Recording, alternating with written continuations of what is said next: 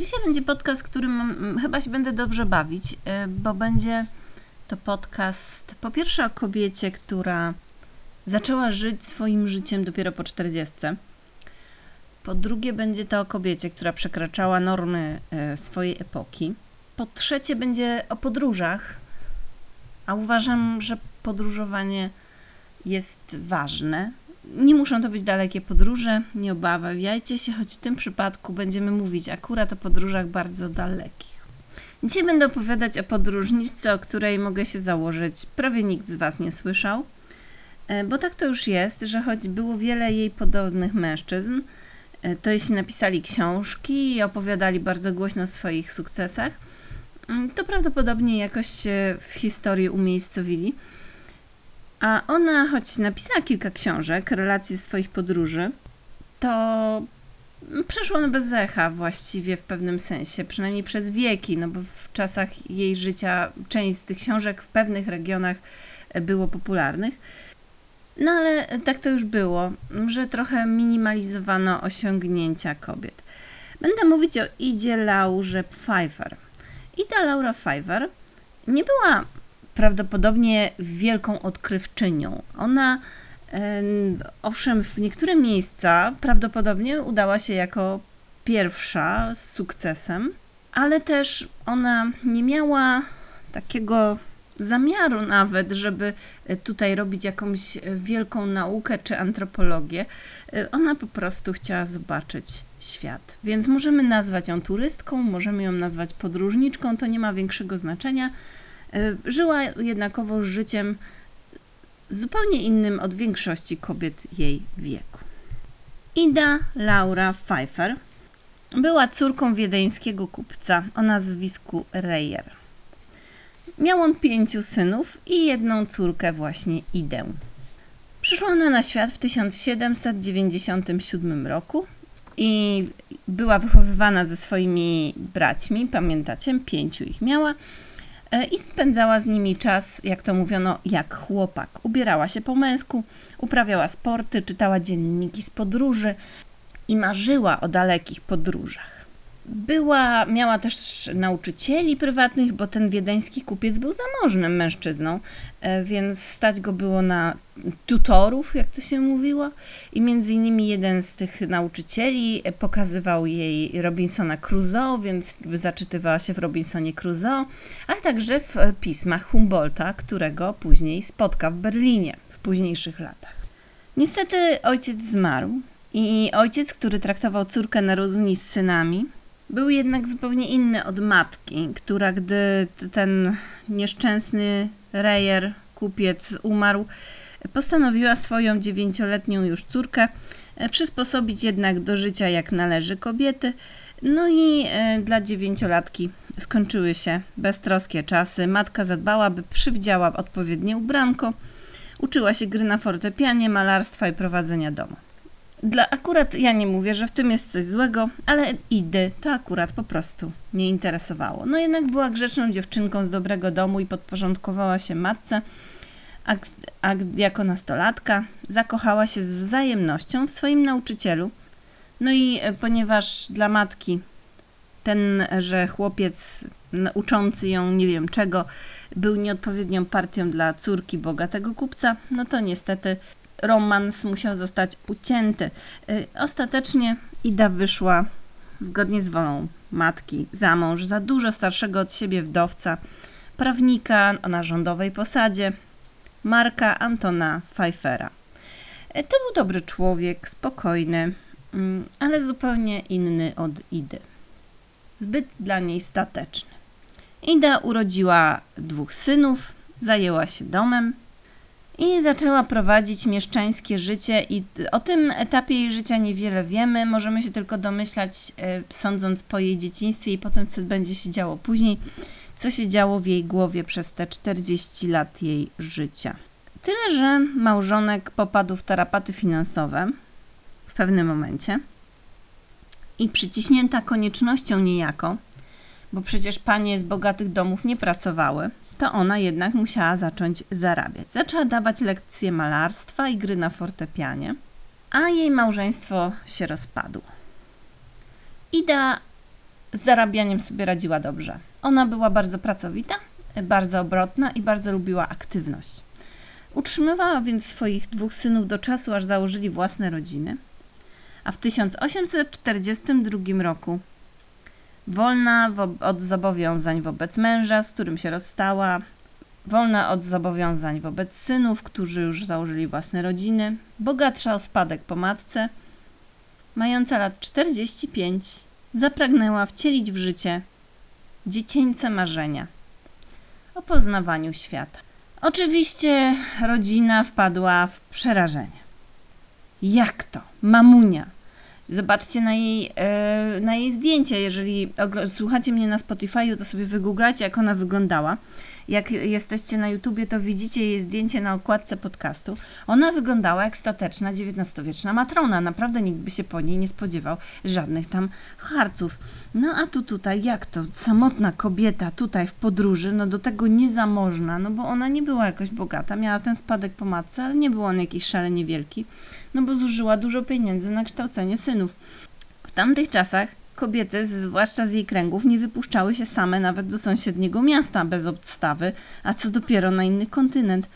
No ale Ida Pfeiffer postanowiła postawić na swoim. Wreszcie była wolna, była po czterdziestce, była jeszcze zdrowa, jak na osobę z tamtych czasów, ale nie była też skandalistką, więc postanowiła wprowadzić rodzinę w temat że taki, że ona będzie podróżować w sposób bardzo delikatny i sprytny. Otóż powiedziała, że ona nie tyle jedzie w podróż z oka świata, tylko ona jedzie na pielgrzymkę. No wiecie, nie wolno przecież zabronić mamuni wybrać się w podróż, że tak powiem, w poszukiwanie Boga. Więc e, pierwszy cel podróży wybrała tak, by złagodzić szok otoczenia – bo przecież nie wypadało protestować przeciwko pielgrzymce do Ziemi Świętej. A że miała niewielki budżet, to musiała podróżować na własną rękę i tanimi środkami transportu. No i tak się rozpoczęła pierwsza podróż Idy Pfeiffer. Najpierw w Wiedniu wsiadła na statek i popłynęła Dunajem do Morza Czarnego, a stamtąd udała się do Stambułu. Musiało to sporo czasu trwać, Dzisiaj byśmy pewnie zbzikowali od tak długiej podróży, ale czas jakby płynął wtedy inaczej. Cała ta wyprawa do Ziemi Świętej trwała 10 miesięcy. Podczas całej tej podróży Ida odwiedziła Palestynę i Egipt, wspinała się podobno na piramidy, co wymagało jednak sporej sprawności i braku lęku wysokości, bo nie wiem, czy widzieliście piramidy, ale jeden taki kamień e, takiej piramidy Cheopsa jest właściwie wysokości człowieka. Gdyby się na niego wspiąć, to jednak trochę się trzeba postarać. Idzie pewnie przydało się doświadczenie chłopięcych cudzysłów tutaj oczywiście daje zabaw z dziecięca, dziecięcych lat, e, bo bez problemów skakała z kamienia na kamień. Podejrzewam, że wyglądała wtedy wyjątkowo w tych swoich e, krynolinach i sukniach choć oczywiście nie wiemy, czy przypadkiem skrycie nie zakładała spodni. No tego się nie dowiemy. I kiedy wróciła z tej dziesięciomiesięcznej podróży, to postanowiła o tym napisać książkę. I to była pierwsza jej książka pod tytułem Podróż kobiety z Wiednia do Ziemi Świętej, która zapewniła jej fundusze, skromne, bo skromne, ale na kolejne wyprawy. Pod, książki Idy Pfeiffer są dostępne w domenie publicznej. Można je po prostu czytać e, w różnych miejscach w internecie. Nie wszystkie są dostępne, co prawda, online, ale generalnie część z nich jest. Możecie je łatwo znaleźć. Jedną z nich podlinkuję pod podcastem. E, ja przeczytałam jedną z tych książek w całości, kilka przekartkowałam. I powiem Wam, że y, nie są to wielkie, odkrywcze dzieła, ale bardzo wielu mężczyzn, podróżników również pisało straszliwe, pobieżne bzdury. Y, a ona ma jednak pewną taką refleksję rzeczywiście XIX-wiecznej matrony i jest to miejscami bardzo świeże i czasami nawet całkiem zabawne. Y, no i widać, że niezmiernie raduje ją podróż. I to jest strasznie miłe. Więc kiedy Ida wróciła, napisała książkę, wydała ją, to posiedziała w domu dwa lata. Posiedziała dwa lata i postanowiła popłynąć do Szwecji, Norwegii, Islandii, wiecie, do tych zimnych krajów na północ. Podczas tej wyprawy wpadła na znakomity pomysł, jakby zarabiać na swoje podróże. Mianowicie na Islandii zaczęła zbierać próbki minerałów, roślin i sprzedawała je potem muzeom, y, zdobywając pieniądze na następne wyprawy. Dziś pewnie miałaby kanał na YouTubie i być może to byłby znakomity kanał. Jeśli chodzi o te próbki, które przywoziła, to do dziś e, część próbek zdobytych przez Ide Pfeiffer, bo ona naprawdę miała dobre oko do tych e, kamieni. Ja się na tym naprawdę nie znam, ale ja widziałam te próbki, są w Muzeum Historii Naturalnej w Wiedniu. Przyznaję, że to nie jest najładniejsze Muzeum Historii Naturalnej, w jakim byłam. Powiedziałabym nawet, że jedno z tych słabszych. Mm, ale jest ta sala z minerałami i część tych minerałów, takich bardzo ładnych i rzeczywiście okazałych, to są właśnie wciąż te same, które przywiozła Ida ze swoich podróży w XIX wieku. No ale jak już rodzina się trochę oswoiła z tym, że mamusi na głęb padło i postanowiła tutaj w świat się wybierać, to kiedy jednak usłyszeli, że ona się chce wybrać w podróż dookoła świata, to im po prostu rury zmiękły. Jak to tak? To nie to samo jednak, co pielgrzymka statecznej pani do Ziemi Świętej, chociaż nie wiemy, co ona tam robiła w tej Ziemi Świętej. To jednak jakby mieszczańskie otoczenie naszej idy musiało prawdopodobnie sole trzeźwiące y, jakby zużywać na litry, żeby przeżyć pomysły mamusi. Jednak nie mogli jej zabronić.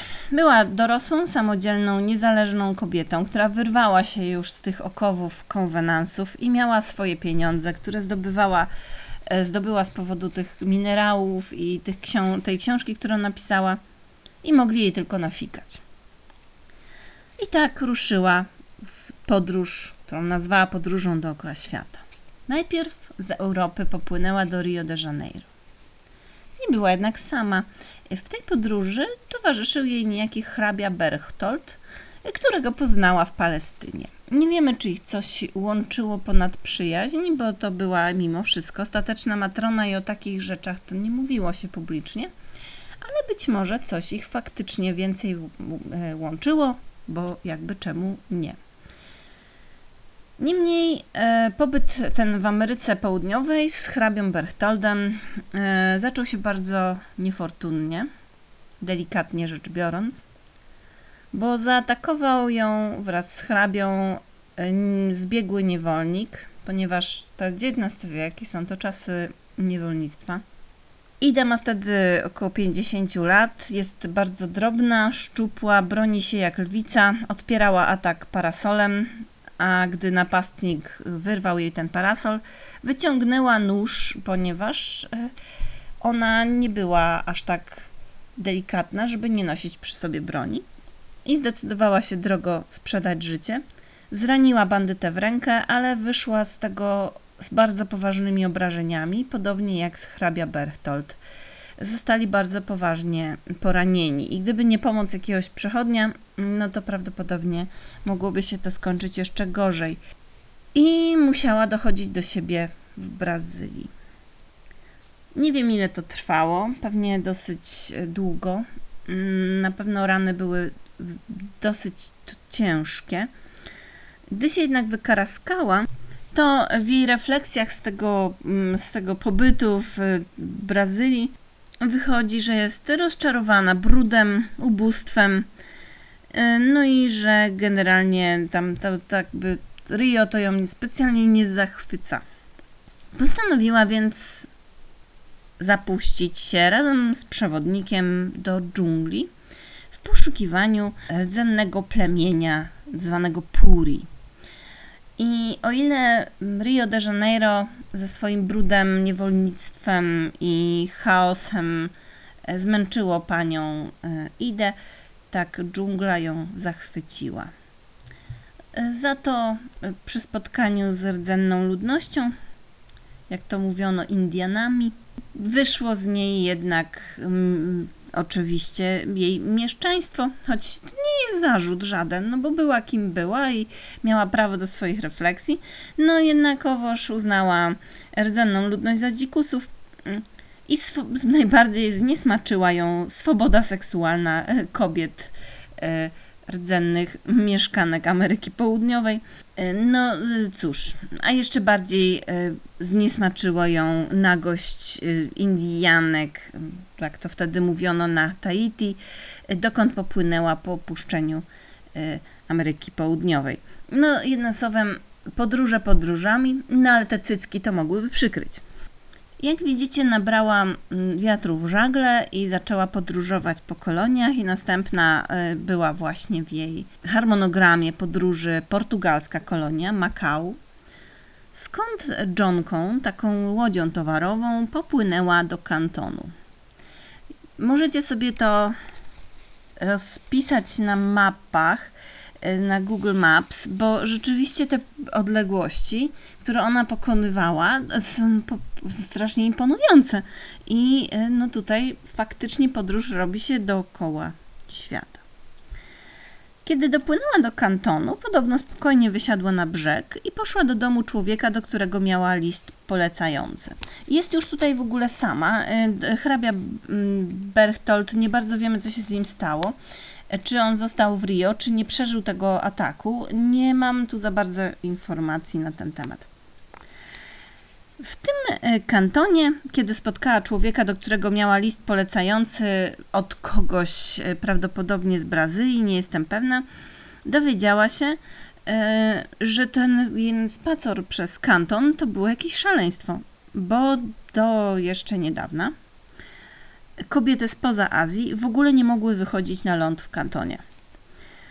Co prawda w mieście żyło wielu Europejczyków, bo to jednak były czasy podróży handlowych bardzo e, no, rozpowszechnionych, to do 1842 roku obowiązywała zasada w kantonie żadnych kobiet.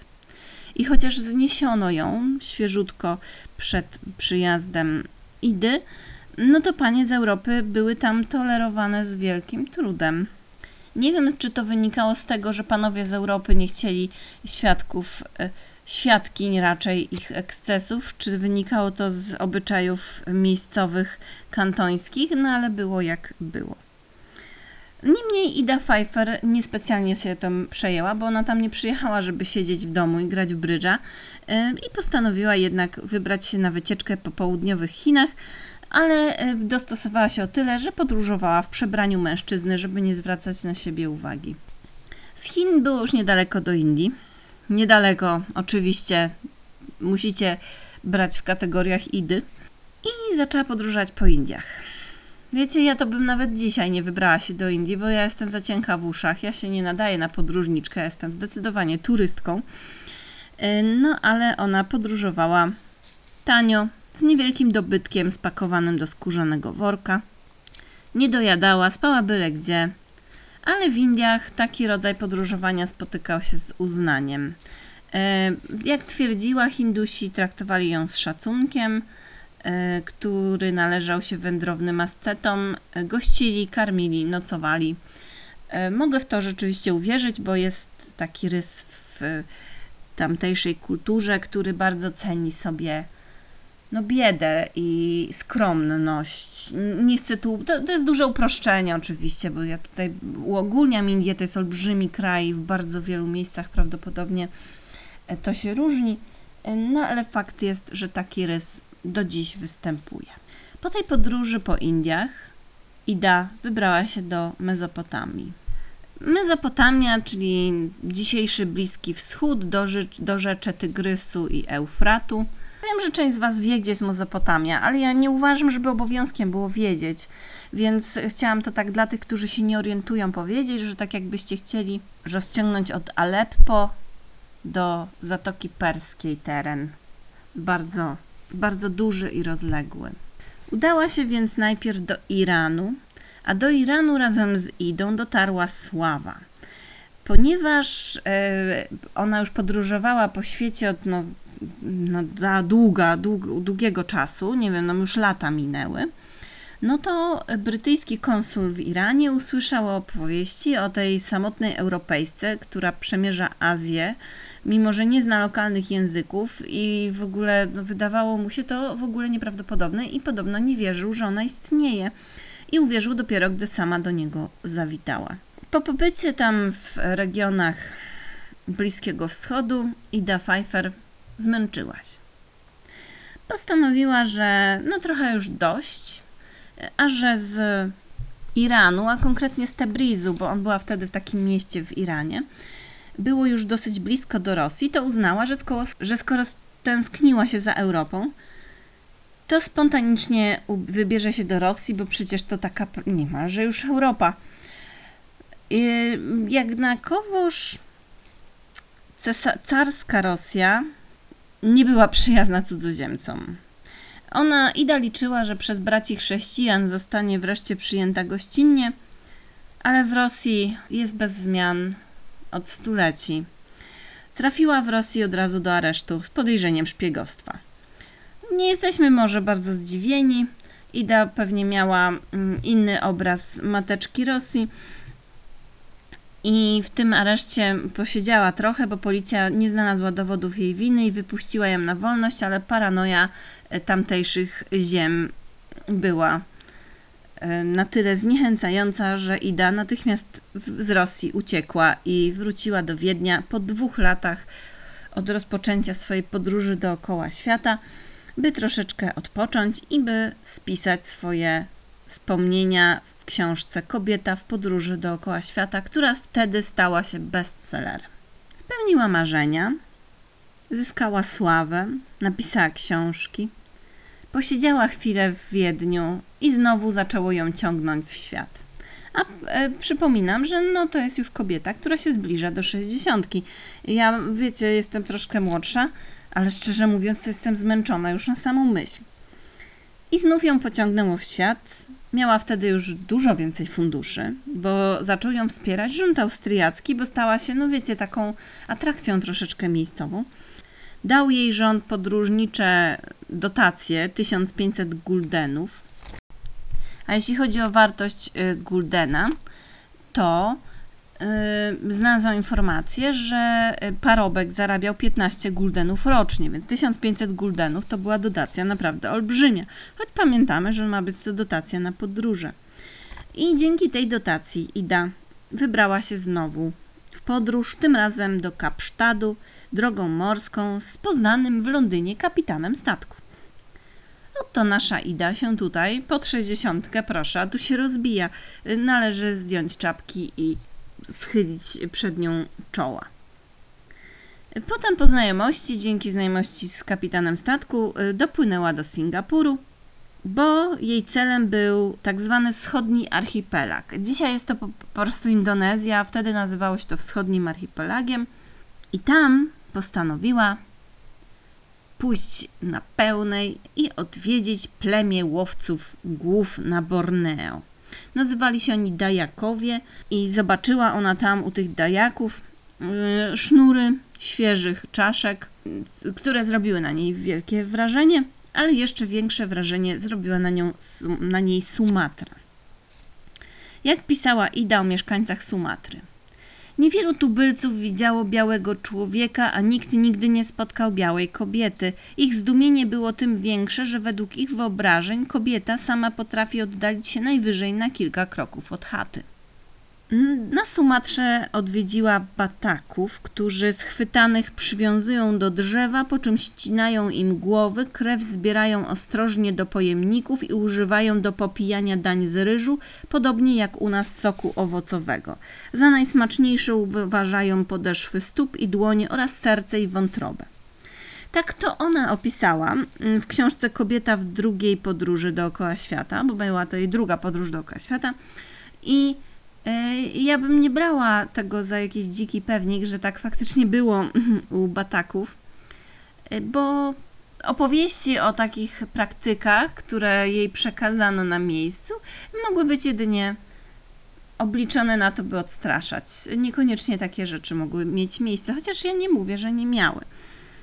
Gubernator Sumatry usiłował odwieść Idę od pomysłu odwiedzania tzw. ludożerców, do których się żaden biały nie zapuścił, odkąd kilka lat wcześniej zabili i zjedli europejskich misjonarzy. No, nie wiem, może nie chciał, żeby Batakom zaszkodziła Ida, jeżeli by ją zjedli, ale Ida nie dała się przekonać. I pojechała konno w stronę jeziora Toba, licząc, że jej słaba płeć zapewni ochronę przed kanibalami, jednak europejskie standardy nadal się jej mocno trzymały. No i e, ja bym. Ona udała się do tych bataków, przynajmniej tak opisała w tej swojej książce o drugiej podróży dookoła świata. Chyba miała jakiegoś przewodnika, znaczy raczej na pewno miała ze sobą przewodnika miejscowego. Ale co się tam wydarzyło, może być zmyśleniem. Dlatego, że ona w tej opowieści o batakach przytacza trochę dialogów, które no mógł jej ktoś tłumaczyć, ale bo ona oczywiście nie znała ich języka, no ale nie wiem, nie wiem na ile faktycznie przewodnik poprowadził ją do bataków, a na ile przewodnik wziął od niej pieniądze, poprowadził ją do kumpli, e, którzy zrobili jej, zaraz wam powiem, scenizację i wróciła zadowolona, że spotkała bataków. Ponieważ, jak opisuje, że powiedziała do, do bataków, gdy do nich dotarła. Dobry człowieku, przecież nie będziesz jadł starej kobiety. Twarde mięso szkodzi na żołądek. Powiedziała, że y, jeden z goszczących ją szczepów właśnie chciał, wyraził chęć przetworzenia jej na obiad. Podejrzewam, że była to tylko taka gra, żeby okazało się, że faktycznie dotarła do bataków. Znaczy, ja, ja nie wiem, to są tylko absolutnie moje przypuszczenia, żeby była tutaj jasność, to, to ten. Wspomniała w dziennikach, że kanibale wykazali się poczuciem humoru, odstąpili od pomysłu skonsumowania podróżniczki i traktowali ją jak rozrywkę. No to rzeczywiście mogło się tak zdarzyć. I zaprezentowali jej inscenizację krwawych rytuałów, ale nie na prawdziwej ofierze. Mianowicie pokazali jej tradycyjny obrzęd zabijania człowieka, którego zamierzali zjeść. Wzięli kłodę i dźgali ją nożami, zastępując, ta kłoda zastępowała ciało, tak? Następnie mocnymi uderzeniami oddzielali od tułowia rzekomą głowę na potrzeby zamienioną przez nasłomianą kulę z czapką. E, wykonali wokół Idy sugestywny taniec, udawali wylizywanie krwi z kłody, która miała być ofiarą i tego typu rzeczy. No wiecie, taki show dla turystów. Także ja bym to troszeczkę tak potraktowała humorystycznie, niemniej na pewno było to i tak interesujące przeżycie, umówmy się. I podobno nikt przed Idą nie odważył się badać zwyczajów e, kanibali, tak w ogóle. E, no tyle, że wartość tych badań jest no, znikoma, ale nadal jest to w tym momencie ciekawe świadectwo historyczne. Kiedy opuściła wschodni archipelag, czyli właśnie Indonezję, wyruszyła przez Pacyfik do Kalifornii, i objechała obie Ameryki, a po czterech latach po rozpoczęciu podróży znów powróciła do Wiednia. Jak się domyślacie, nie zabawiła tam długo, bo postanowiła jeszcze zwiedzić Madagaskar. Francuskie Towarzystwo Geograficzne było bardzo przeciwne planom Idy wyjazdu na Madagaskar ze względu na panującą na Madagaskarze królową, która słynęła z okrucieństwa. Jeśli chodzi o królową Madagaskaru, to muszę Wam powiedzieć, że ja uważam, że to nie jest czarno-biała postać, ponieważ ona się broniła przed kolonizatorami e, i z punktu widzenia Francuzów była potworem. Jednak siedząc na stołku wiele, wiele lat później, e, widzimy ten obraz królowej Madagaskaru trochę inaczej, bo wiemy, jak postępowali kolonizatorzy i jak zdeterminowana musiała być królowa Madagaskaru, by nie dać się przejąć. W każdym razie wieści o, królowej Madagaskaru były takie, że ona truje, zrzuca z przepaści, przepiłowuje ludzi, obdziera ich ze skóry. Yy, I to są jedynie przykłady niewielu metod spośród wielu potwornych, którymi królowa nazywała się Rana Walona I, pozbywała się przeciwników, choć czasami także tych urojonych. Znaczy, była potworem, żeby nie było, ale motywacja czasami to miała nawet słuszne. Ze szczególnym upodobaniem tępiła chrześcijan I tutaj no, nie możemy pochwalać tępienia kogoś tylko ze względu na przynależność religijną. I choć bała się bezpośrednio mordować Europejczyków, bo jednak nie chciała odwetu Europejczyków na sobie, chciała ich tylko odstraszyć od no, po prostu najechania Madagaskaru y, i oszczędzała ich, ale utrudniała Europejczykom życie. Miała dostęp do broni palnej, udało jej się obronić niezależność Madagaskaru przed Francuzami i Brytyjczykami, więc no, historycznie możemy ją oceniać na bardzo y, dwojaki sposób.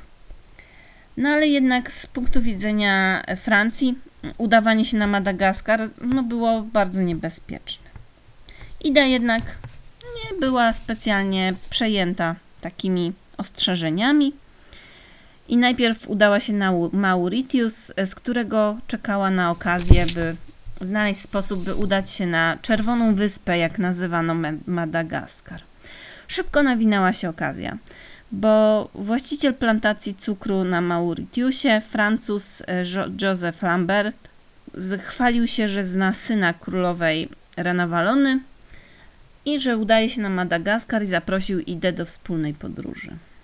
Zaopatrzyli się wraz z Idą w prezenty dla królowej i popłynęli do portu Tamatave na Madagaskarze, a stamtąd do stolicy było 300 kilometrów – trasa wiozła, wiodła przez laguny, przez różne wzgórza, bambusowe doliny poprzecinane potokami, przez bagna, moczary, dziewiczy las, pola ryżowe. No wiecie, kawał drogi, 300 kilometrów no, przez teren przyrodniczy, bym powiedziała, no żadne tam drogi. Lambert e, zabrał tak wiele podarunków dla rana walony, że towarzyszyło jemu i idzie 400 tragarzy przez te wszystkie bagna i wiecie, pola ryżowe. Także powodzenia. E, Ida także nie poruszała się na własnych nogach. To już jest starsza pani i na dodatek już zamożna starsza pani, więc korzystała z lektyki. Podróż tam na Madagaskar wydaje się bardzo dziwną e, rzeczą, no ale słuchajmy dalej. Przybyli mm, Ida i Lambert do stolicy Madagaskaru i trafili przed oblicze Ranawalony. I tutaj jest taki wątek awanturniczy, w którego w sumie nie mamy podstaw nie wierzyć.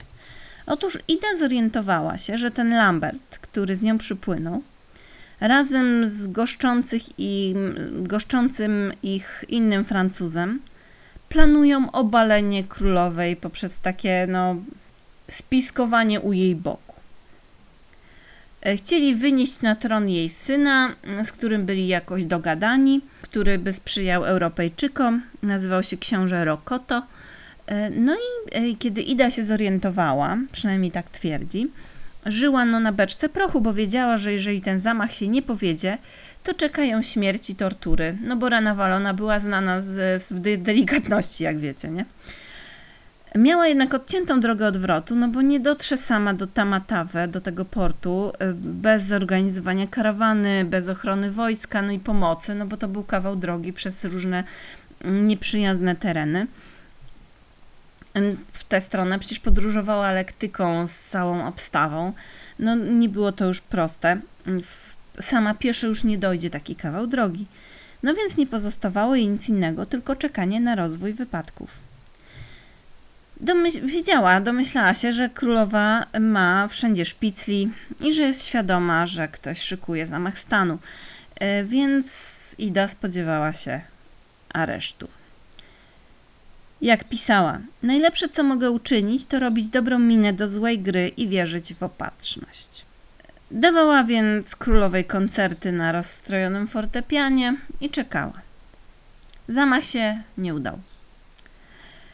Dowódca straży, który był zaangażowany w całą akcję, się wycofał w ostatniej chwili, więc Ida była już pewna, że czekają koniec. Ale Rana Walona, tak jak mówiłam, rozmyślnie i bardzo mądrze z punktu widzenia politycznego nie mordowała Europejczyków, bo wiedziała, że wtedy czeka ją krwawy odwet, z którym może sobie nie poradzić, gdyby cała Francja i Wielka Brytania postanowiły znaleźć pretekst, by najechać Madagaskar z powodu no, śmierci jakiejś staruchy, nie? I Władczyni wykazała się, i tutaj damy cudzysłów, łaskawością.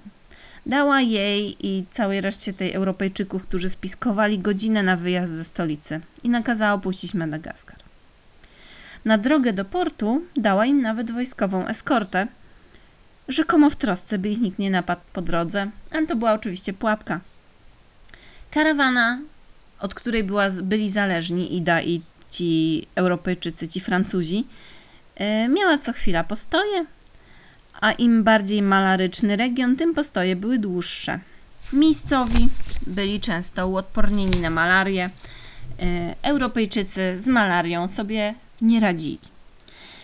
Wędrówka zamiast 8 dni, ile tyle miała trwać, zajęła dni 53. Królowa nie mogła sobie pozwolić, by Europejczyków zgładzić, więc postanowiła im umrzeć śmiercią naturalną z chorób i wyczerpania. Ida pisała: Nasze przejście z Dotomatawe to najbardziej mozolna i budząca protest podróż, jaką kiedykolwiek odbyła. Oczywiście e, zarówno spiskowcy francuscy, jak i Ida ciężko się rozchorowali. Ida cierpiała tak bardzo, że nie miała siły wstawać, dokuczały jej potworne bóle, częste wymioty, utrata apetytu, osłabienie, gorączka. No miała po prostu malarię prawdopodobnie, bądź jakieś inne jeszcze choroby tropikalne. Z trudem dotarła do portu, skąd odpłynęła na Mauritius. A gdy na Mauritiusie trochę nabrała sił, zaczęła planować podróż do Australii – ale ponowny atak gorączki ściął ją z nóg. E, po tych atakach gorączki powtarzających się cyklicznie możemy wnioskować, że była to malaria.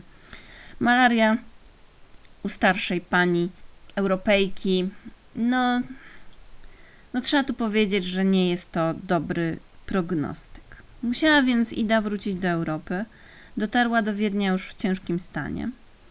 E, lekarze orzekali bardzo dziwne różne rzeczy, a to, że ma raka wątroby, a to to, a to śmal, prawdopodobnie była to po prostu malaria, którą nazwali madagaskarską gorączką. E, była to choroba oczywiście nieuleczalna już, e, zwłaszcza w tym stanie Idy. I Ida zmarła w nocy z 27 na 28 października 1858 roku, ale przeżywszy połowę życia tak jak chciała. Z powodu pionierskich dokonań z dziedzinie eksploracji. Została honorową członkinią niemieckiego i francuskiego Towarzystwa Geograficznego. A to trzeba powiedzieć, że członkowstwo kobiet w tych instytucjach się właściwie nie zdarzało. Jednakowoż brytyjskie, mm, królewskie właściwie się nazywało Towarzystwo Geograficzne, odmówiło jej członkostwa ze względu na płeć. Brytyjczycy to jeszcze nie doszli do takich tam mm, nowoczesnych wy, wy, wymysłów, bo ta instytucja przyjęła pierwszą kobietę dopiero w 1892 roku, czyli prawie pół wieku po śmierci Idy. Ostatnia jej książka została wydana po jej śmierci, jej synowie spisali jej notatki. E, była o podróży właśnie na Madagaskar. Mm, do tej książki dołączono biografię Idy napisaną przez jej syna. Ida spoczęła na cmentarzu w Wiedniu. Do dziś jest tam cmentarz centralny konkretnie. Do dziś jest tam jej grób. I jestem pod absolutnym wrażeniem tej kobiety. Ja czytałam tą jedną z tych książek e, w całości, może niezbyt dokładnie, bo nie chciałam już poświęcać zbyt dużo czasu do tego podcastu, ale strasznie mnie cieszyła ta książka właśnie ze względu na jej taką czystą radość z tego, że podróżuje. Mimo, że była często strasznie zniesmaczona, zblazowana z, yy, i generalnie jej refleksje często były no, dosyć śmieszne, z, oczywiście z, z perspektywy współczesnego człowieka. To była absolutnie niezwykła, że po tym życiu statecznej matrony na, na życzenie matki właściwie, ta jej pragnienie podróżowania, ten Robinson Crusoe i Humboldt, którego czytała w dzieciństwie, wystarczyły, by wyczekała odpowiedniego momentu, by wreszcie żyć tak, jak chciała. Dlatego tak wydaje mi się, że za mało o niej się mówi. E, może, może nie była podróżniczką, która, nie wiem, odkrywała nowe światy, może nie zmieniała świata, ale na pewno inspirowała i była kimś, kto przełamał konwenanse, a to zawsze, zawsze się miło o tym czyta. No i e, to tyle na dzisiaj. Pozostańcie z dzisiaj w, z myślą o y, Idzie, która była naprawdę niezwykła. Do usłyszenia.